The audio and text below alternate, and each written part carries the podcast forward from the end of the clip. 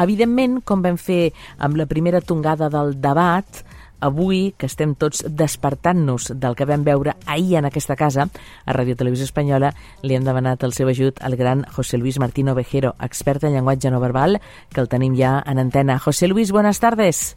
Muy buenas tardes, Silvia aquí. ¿Cómo estás? Pues mira, estaban mirando ahora en Google las fotos de, de, Ken a ver si realmente se me parecía o no a Pedro Sánchez. A mí no se me parece mucho. A mí tampoco, la verdad.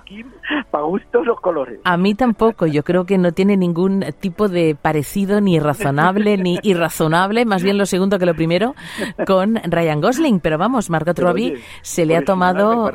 Exactamente, Margot Robbie se le ha tomado casi casi como una prueba de examen definitiva. Así pues que veremos si es así o no. Bueno, independientemente de esta noticia que yo creo que es un chascarrillo simpático, teniendo en cuenta que incluso Barbie ha entrado en la campaña electoral para las elecciones aquí en nuestro país, en España, la verdad es que, bueno, si alguien fue el protagonista sin estar, sin ningún tipo de duda fue Núñez Fijo. Él mismo lo ha dicho hoy, eh, vio el debate desde Valencia, vio a los tres protagonistas de ese debate, Yolanda Díaz, Santiago Abascal y Pedro Sánchez. Él ha tenido un ataque de lumbalgia que le aquejó el martes y ha sacado una conclusión. Para no asistir debo ser la persona más citada. Esto sí que es darle la vuelta a la hoja, ¿no, José Luis? Eso, sí, efectivamente. Hombre, vamos a ver. Yo creo que sin lugar a dudas debería haber estado en el debate y además se, se sabía de antes que no iba a estar. Es decir, lo de la lumbalgia, pues ojalá se recupere muy pronto porque duele mucho. Yo lo he tenido, pero, pero se sabía de antes que no, no pensaba estar en este debate porque ya se le llamaba el debate a tres desde hace tiempo. Y era tres porque Fijó no iba a estar. Y yo personalmente creo que le ha perjudicado, ¿eh? además, el no estar.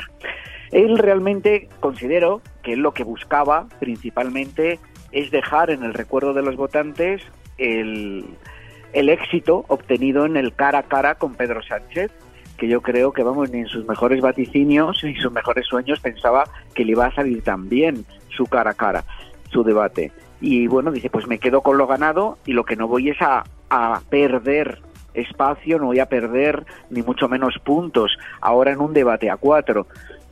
Ahora bien, eh, tiene que estar. O sea, es que yo creo que es que es evidente. O sea, una persona que está buscando ser presidente del gobierno tiene que estar en un debate contra, lo, contra los otros tres candidatos, para lo bueno y para lo malo. Hay que escucharle, hay que escucharle.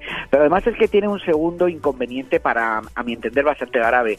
Y es que todo el espacio de la derecha lo ocupó y lo monopolizó una sola persona, que fue Santiago Abascal. Uh -huh. De tal manera que siempre se habla de los indecisos, que son los que al final decantan la balanza hacia un lado o hacia otro, pero también existen los indecisos de la derecha como los indecisos de la izquierda. Y en cuanto a los indecisos de la derecha, ¿qué ocurre? Que ayer solo vieron a uno, a Bascal, y pudieron verse representados en él, dado que, como digo, son indecisos. Los que lo tenían claro, nada, esos no me cuentan para esto, pero los indecisos solo vieron a uno, solo vieron una alternativa, de tal manera que yo creo que ayer Abascal pudo pescar en el río del Partido Popular.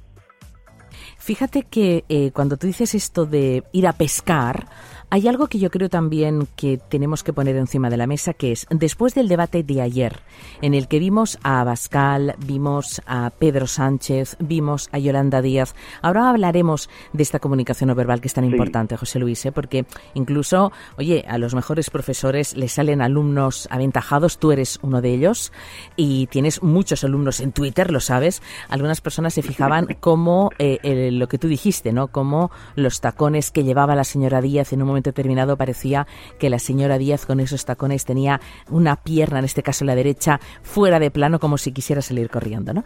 Pero ya sabes sí. que en este programa estamos muy pendientes de la, de la actualidad y la vicepresidenta del gobierno, que hoy está en Girona, desde aquí, sí. desde Cataluña, ha propuesto una ley para evitar que los cabezas de lista puedan negarse a participar en debates electorales.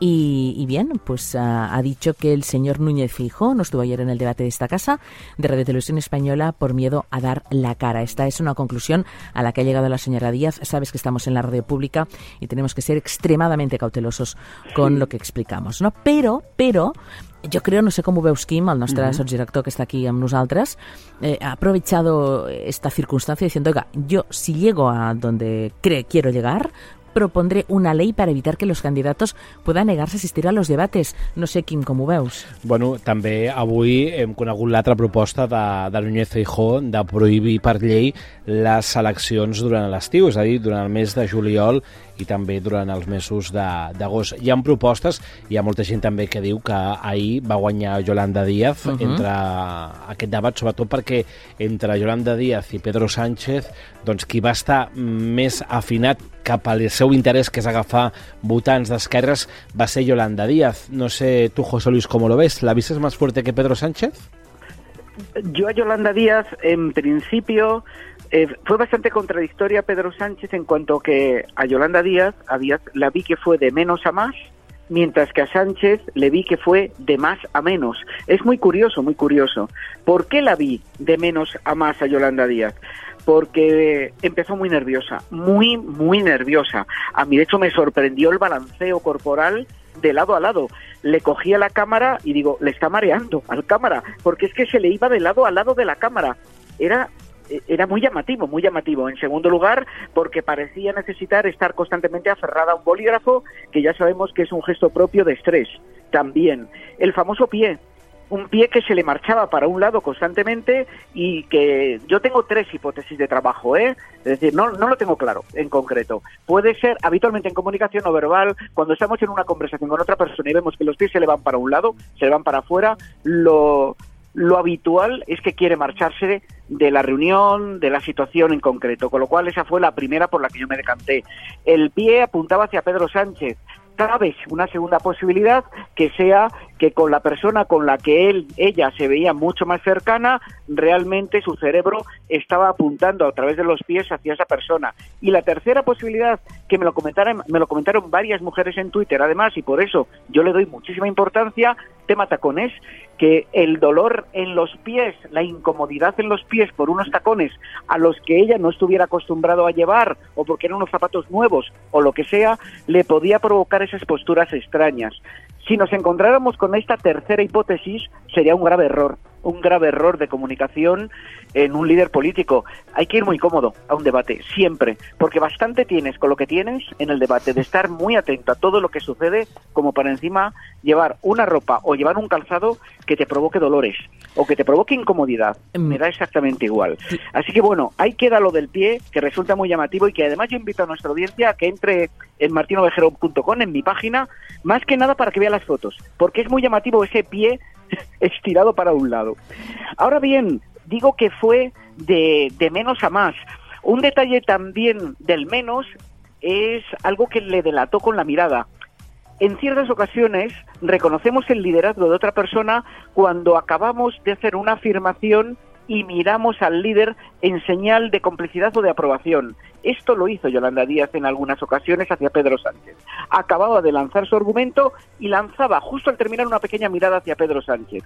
Bueno, pues eso es muy llamativo también. Claro, José Luis, pero permíteme, ahora, ahora que has llegado a este punto que para mí me parece el más importante, trascendental, le recordem que poden seguir els comentaris del nostre colaborador a través de martinovejero.com. Eh, eh, esta mañana he desayunado con, con una buena amiga, también periodista, Y me decía, tú te acordarás en el momento en el que hay eh, ese, ese debate, Kim, en el que, bueno, se, se dirigen todo el rato a la señora Morán como Diana, uh -huh. hasta que llega un momento en el que la señora Morán dice, no me llame usted eh, ah, Diana, llámeme señora estoy, Morán, llamando, efectivamente, porque a usted le estoy llamando de usted Pons, y de la manera fue... como tiene que ser correcta, señor González Pons, como persona que forma parte del Partido Popular.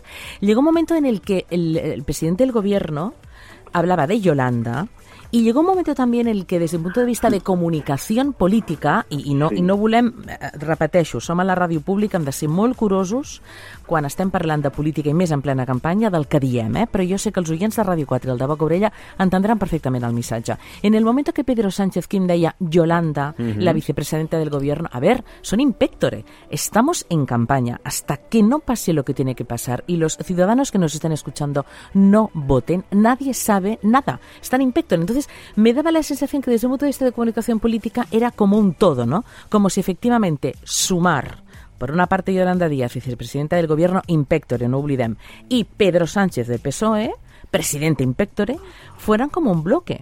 Yo el que me vais fixa también, que no sé Martín, eh, si José Luis si lo, lo viste o, o, o, estoy equivocado, sí. es que a veces parecía que Yolanda Díaz buscaba la aprobación de Pedro Sánchez. Efectivamente. ¿No? Porque ella es vicepresidenta. Eh, Pedro Sánchez durante cuatro años es presidente y pues jerárquicamente era hasta por encima, pero un debate que en principio iban de iguales.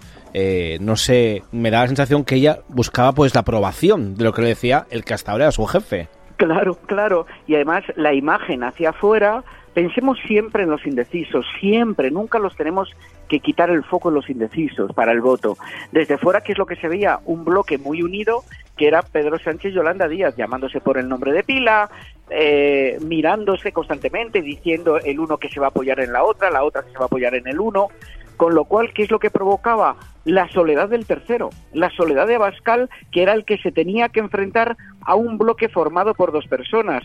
Con lo cual, a mí esta mañana en Twitter había personas que me decían que, claro, los tiempos podrían estar mal repartidos si te encuentras con dos líderes que van en bloque y que sin embargo tienen el mismo tiempo cada uno de ellos.